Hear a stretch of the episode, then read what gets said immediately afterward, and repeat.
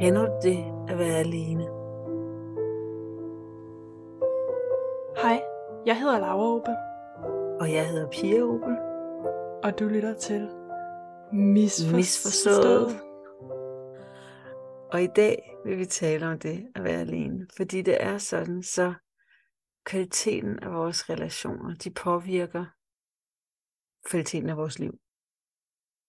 Og, og grunden til, at vi vil tale om det, er, fordi der er flere og flere mennesker, der føler sig alene i Danmark, der føler sig ensomme. Der er også flere og flere mennesker, der vælger at være alene. Det er noget, noget helt andet. Eller leve som singles. Men der, der er en analyse af ensomhed, som blev lavet i Danmark lige før corona.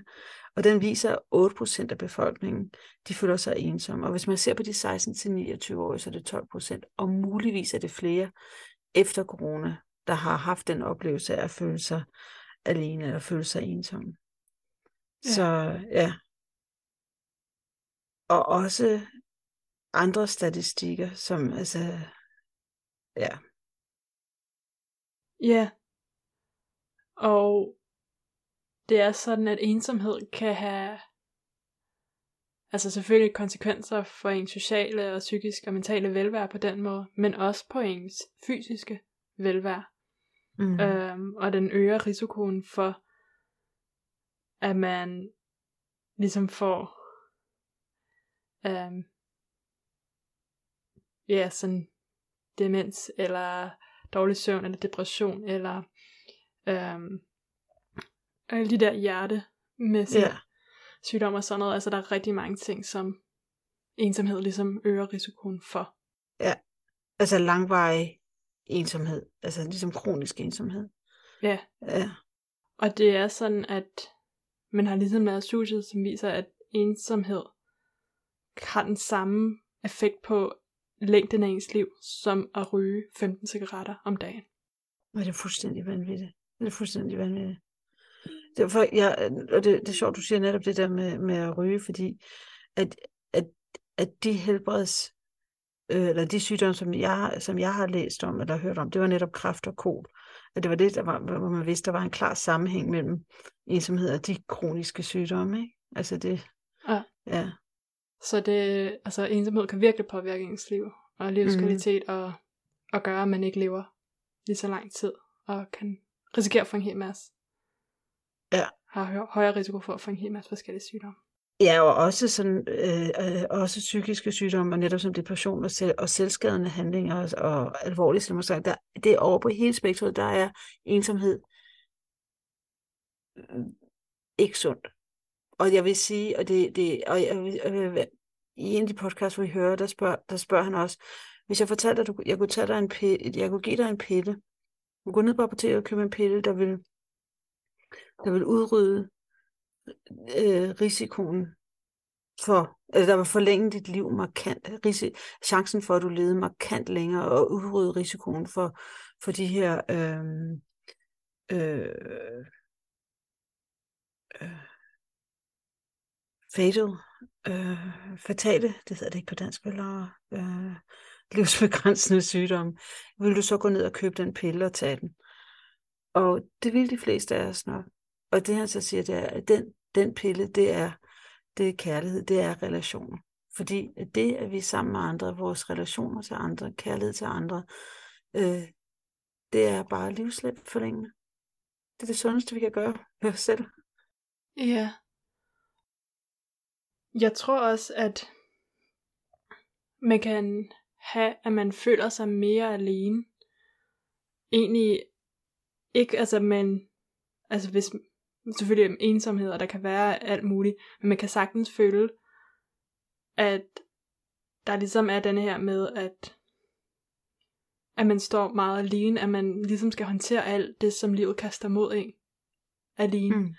Og det kan selv være på arbejdet, man ikke har det der støtte og sociale relationer til lige at række ud og spørge en kollega om, hvad synes du om det her, det her, men man føler, at man ligesom skal stå med opgaven alene og selv kunne finde ud af det, og ligesom at vide, hvad man selv skal, og også bare føle, at man måske ikke bliver anerkendt for, hvad man gør, og føle, at man ikke bidrager nok. Så jeg tror også, at den her ensomhedsfølelse kan være meget tæt associeret med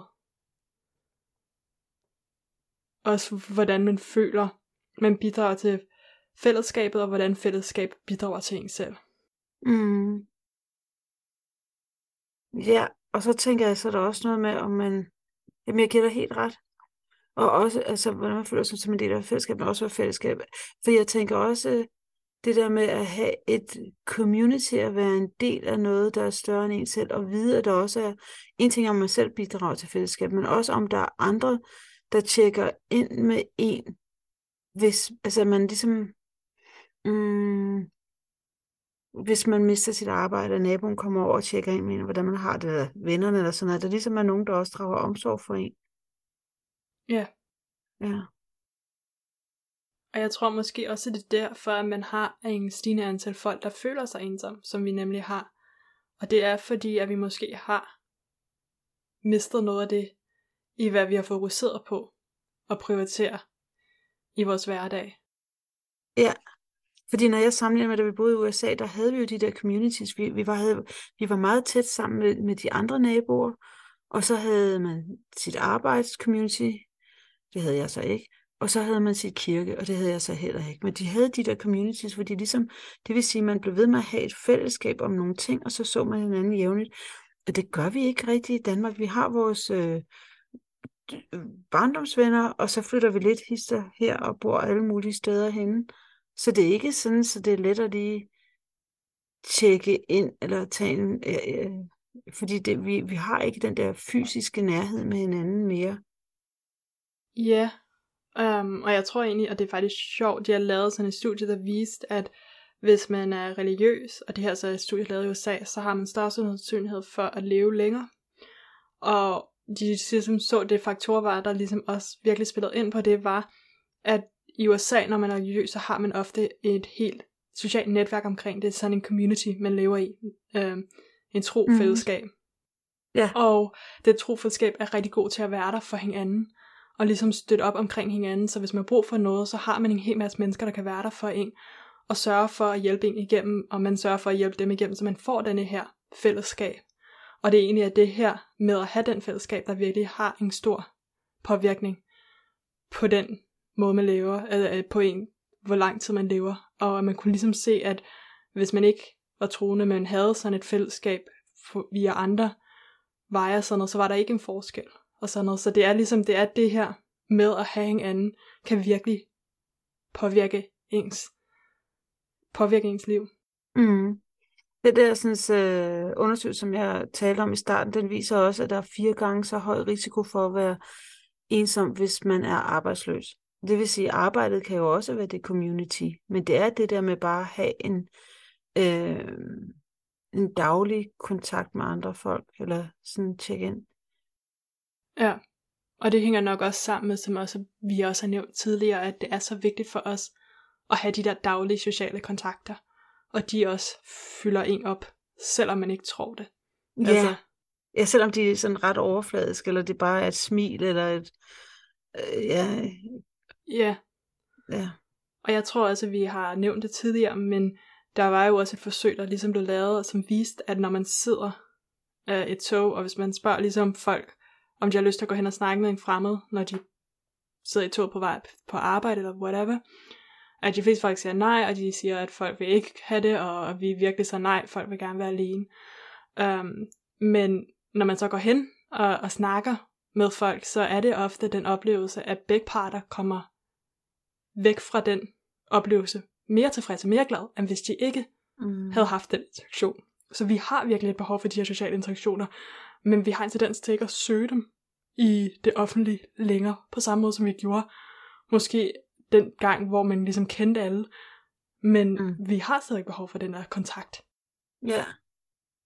Der er også noget andet, og det er det der med, øhm, mm, det, man ved også, stadigvæk samme undersøgelse, at størstedelen af de personer, som der føler sig ensomme, de er faktisk ikke alene.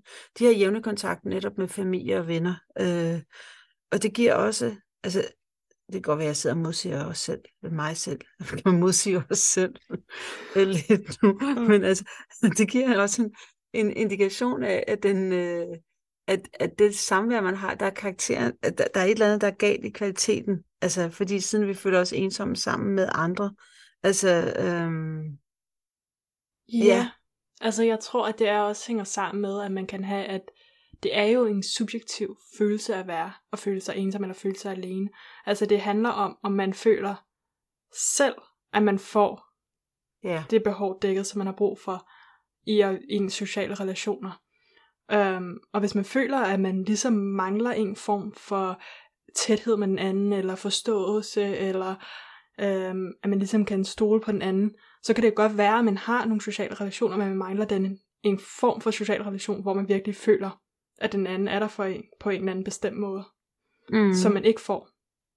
Så det er også fordi, at ensomhed, eller at føle sig alene, kan være sådan meget subjektiv og svært at definere, ja. fordi vi alle sammen oplever det forskelligt.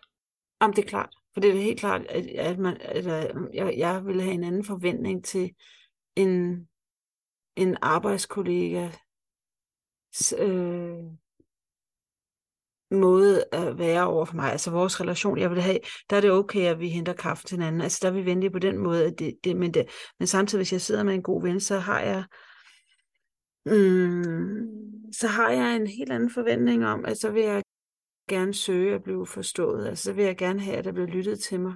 Og der vil, altså, der vil jeg gerne have, at der, ja, der vil jeg gerne føle mig lyttet til.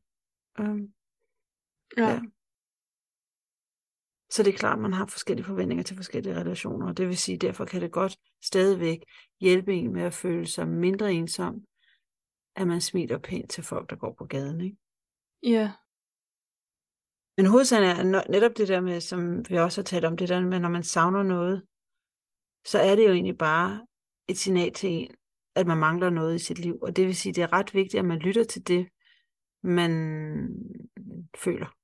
Og har vi sagt det mange gange. ja. Det er egentlig også interessant i, at denne her signal, øhm, den er ligesom, den, den bliver udsendt af de samme hjerneområder, som for eksempel også styrer sult og, og tørst og sådan noget. Øhm, og man kan egentlig se, at at ens sociale behov kan faktisk ændre sig alt efter hvad man er vant til og sådan noget.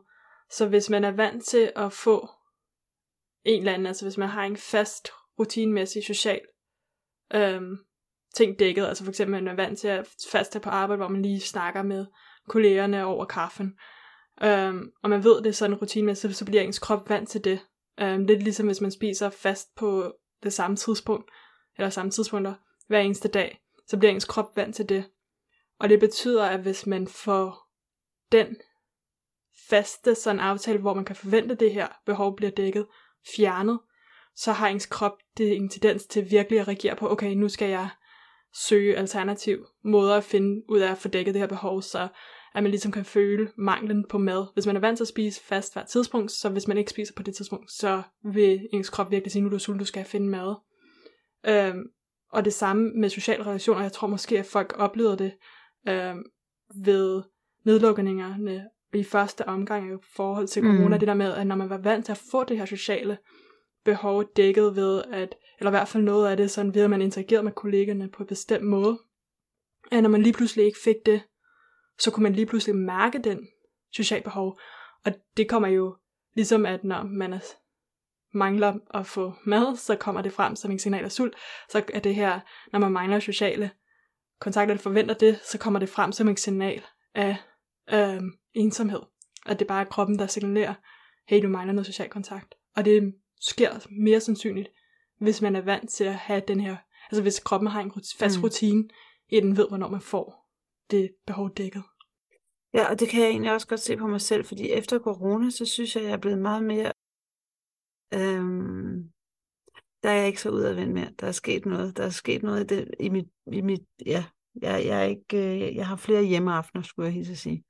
Ja, og det er også det med, at hvis man faster, så har man mindre sandsynlighed for at have den her mm-hmm. øh, reaktion på, at hvis man så ikke lige har fået mad, når man troede, man ville få det, men man er i gang med at fast, så der er ikke lige så stor sådan alvor ved, at man så venter lidt tid, før man søger mad igen. Altså det, kroppen reagerer ikke helt så stresset på, at den mangler det. Og jeg tror mm-hmm. måske, at mange oplevede sådan efter, eller under corona, at der ligesom blev lukket ned for hvor ofte de kunne få det her social kontakt og begynde at vende sig til, at man ikke fik det lige så ofte, og egentlig har fået en stabiliser måske lidt lavere, end de havde før. Og at det også var svært at komme op i samme gear, sådan når tingene åbner op igen og skulle forholde sig så meget lige pludselig. At have så mange relationer, man skulle forholde sig til, kunne også være svært. Så det er egentlig sjovt, at kroppen ligesom stabiliserer, eller ens. Ja. At man ligesom stabiliserer til en forvist forventning omkring, hvor meget social kontakt man har brug for. Og det er ligesom det, kroppen søger hen imod. Eller man... Ja. Det er super interessant, at det er netop det sociale behov er bliver justeret på den måde også, ligesom ja, andre ting som sult og andet ting, at det ikke er, ja. Ja. Der er egentlig også det, at siden at det er samme systemer, det nu springer helt hen til noget andet. Gør det bare. Uh, men fordi at det ligesom er den samme system, som ligesom hænger sammen med, som sender de her signaler ud, når man er ensom og sådan noget, så har der også studier, der har vist, at hvis man føler, at man ikke har fået sin sociale behov dækket, så har man større sandsynlighed for, at ligesom at ens øh, madappetit også ændrer sig, at man bliver mere sulten og kan have tendens til, at måden man spiser på og sådan noget ændrer sig, hvis man ikke får ens sociale behov dækket og omvendt. Og samtidig, det kan også gå den anden vej. Um, så det er ligesom, at der er sådan den her system interagerer med hinanden på en måde. Så man kan godt have en tendens til for eksempel at spise mere, hvis man er ensom, at man ellers Men, vil. Men faktisk var der jo rigtig mange, der tog på under corona. Man snakker om coronakiloene. Så det du siger, det var, at det faktisk også på en eller anden måde, det var til at blive... Øh, ja, ja, fordi folk sad og var ensomme derhjemme. Det var ikke ja. bare, fordi de kedede sig. Ja, det behøves det ikke nødvendigvis. Det kan sagtens være, at det måske var det her med, at de kunne ikke få det sociale behov dækket. Ja. Og så prøvede systemet at berolige det med noget andet, som også var vigtigt for overlevelsen. For eksempel mad. Ja, spændende. Øhm. Men så er der noget andet, og det er, mm, det har jeg for en af vores podcasts også, at bare fordi, at man ikke er sammen fysisk, så kan man stadigvæk godt være sammen psykisk. Og netop i dag, hvor vi har alle de her øh, ting, vi kan gøre, altså Zoom og Teams og alt muligt andet, så er det jo muligt. Eller man kan også bare tage telefonen og tale sammen med telefonen. Og der er en af dem, han taler om øh, noget, jeg synes, der er ret fedt. Han taler om en, øh, øh, noget japansk, øh, der hedder moai, tror jeg han kalder det. En eller anden japansk tradition, hvor man ligesom samlede netop i communities for at føle sig øh, connected og, og sådan, øh, eller hvor man ligesom føler sig øh, for at føle sig sammen, ikke? for at føle sig forbundet med hinanden, og hvor man ligesom var i de der sådan, sammenslutninger, der var man forpligtet til at hjælpe hinanden. Og det synes jeg sådan, er en ret interessant ting, det der at have det der commitment til at hjælpe hinanden i svære tid, når, når, når man står i en svær tid. Og jeg synes, at øh, ja, det synes jeg bare er ret interessant, netop det der at finde sådan en stamme, hvor man ligesom siger, okay, det kan man også komme sig til, sådan, så hvis man ikke er sådan, mm, altså kronisk ensom og på randen, og jeg ved ikke hvad, men hvis man sidder og føler sig ensom, med de kontakter, man har. Man er blandt i den gruppe, der har kontakter omkring sig, men man føler sig stadigvæk ensom sammen med dem, så kan man selv styrke de, den, mm, det samvær ved at få commit sig til at sige, skal vi ikke være der og hjælpe hinanden? Skal vi ikke tale om nogle tungere emner, end hvordan vi har det, og hvor godt vi klarer os? Så skal vi ikke tale om, hvor svært økonomien er, hvor meget mit ægteskab halter, og frem og tilbage, ligesom sige, så går vi, vi hjælper hinanden, vi er der for hinanden, vi lytter til hinanden. Ja, og tager fat i de der svære dele af livet, og faktisk har nogen, som kan være der for en, når man går igennem. Fordi vi kommer alle sammen til, og kommer hele tiden til, vil jeg næsten sige, altså livet er svært, og der er mange ting, der fylder. Og nogle gange, så kan det være nogle rigtig store ting, der fylder. Og at skabe den gruppe mennesker, som man ligesom ved, er der for en, til at ja. komme igennem det, kan have rigtig stor betydning for, om man føler sig alene eller ej. Jeg synes i hvert fald, det var inspirerende, og den kunne jeg godt tænke mig at tage op, ikke? Altså, den der idé. Og jeg tænker, jeg allerede egentlig har den lidt med nogen. Men altså, det var bare sådan... Ja. Og jeg tror, det måske er noget, som vi mangler mere nu til dags, end vi ellers har gjort. I, ja. På en anden måde, fordi at at man skal ligesom dyrke det. Altså det kræver også, at man, Mm. at man Ja, man skal ligesom, dyrke det. Ja. Ja. At man skal investere tiden i det. Men samtidig så er det også det der med, at det ved vi også, at noget af det, den største gave, man kan give til en anden person, det er at lytte til dem, og det er at være der for dem, når de har brug for en. Så derfor er det også så nærliggende at gøre det, hvis man har muligheden for at gøre det. Og alligevel så må jeg nok være den første at sige, at jeg er den første at skøjte af. Og så har jeg nogle, ja, så har jeg så er jeg godt gift, ikke? Ja, men jeg tror heller ikke, at når man begynder virkelig at have sådan nogle relationer, hvor man virkelig er der for hinanden, mm, sådan jamen, tyndt og tykt, så det kan man jo ikke have med alle. Altså den relation vil man heller ikke kunne dyrke med alle, altså fordi det kræver virkelig, at man også lægger de meget energi ind i det på en helt anden måde. Også selvom måske ikke er sådan tidsmæssigt energi, men, men det kræver, at man møder op på en helt anden måde. Og det kan vi ikke gøre for alle, men jeg tror, at at finde den, dem, som man kan gøre være det for, som kan være det for en, kan være gavnlig. Mm. Og jeg tror egentlig, altså bare sådan generelt, at fordi at når vi mærker sådan mental og psykisk smerte og sådan noget, det er jo det samme, altså det er som at mærke fysisk smerte, altså det går, gør ondt på samme måde, mm. som hvis man havde slået sig fysisk. Ja. Øhm, men der var også et studie, der viste ligesom, at hvis man gav folk elektrisk chok, så mærkede de mindre smerte, hvis de holdt nogen, som de elskede i hånden. Ja. Så vores sociale relationer kan virkelig også mindske den smerte, vi mærker og oplever mm. i verden. Det kan virkelig gøre nogle ting lettere og mere måske håndgribeligt, end hvis vi ikke havde nogen. Så vi, vi har virkelig brug for hinanden. Mm. har brug for en at holde i hånden. Jeg vil sige, nu, nu kan jeg ikke, der er også det, det hjælper bare at have, sidde og kæle for sin, sin hund eller sådan noget, tror jeg. Så kan vi i stedet, så kan vi bedre udstå smerten, ikke? Det kan ja. Også være sådan en, bare en life companion i en anden form, ikke? Ja. Ja. Og nu har vi sådan talt meget i den her episode omkring det her med, hvor meget det giver os at være mm, sådan de sociale relationer, hvor meget de betydning de har for os og sådan noget. Um, og det er så selvfølgelig vigtigt at, at ligesom at understrege, at det at være alene behøver ikke at være negativt. Og det er faktisk rigtig vigtigt for os alle.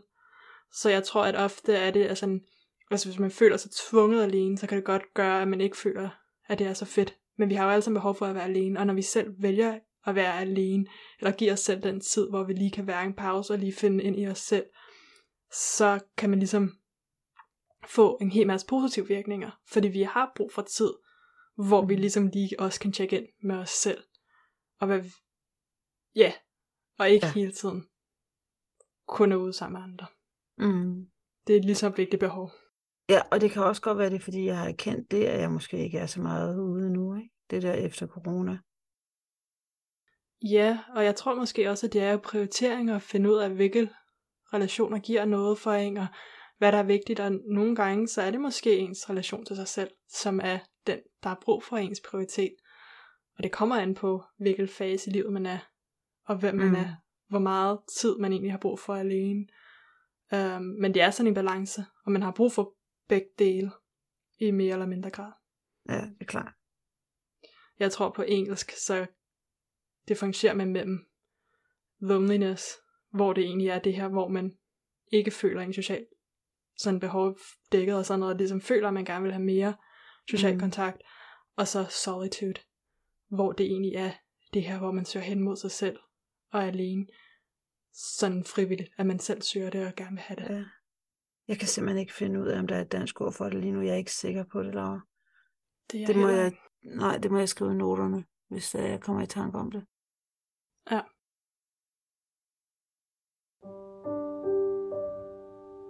Nå, men med det sagt, er vi ved at være igennem. Ja. Så hvis der skulle være et hack, så tænker vi, dyrk din relation. Og hvis du ikke har nogen nær dig, så dyrk din relation til dig selv. Det er jo også en relation. Ja. Så ja. Så det var det.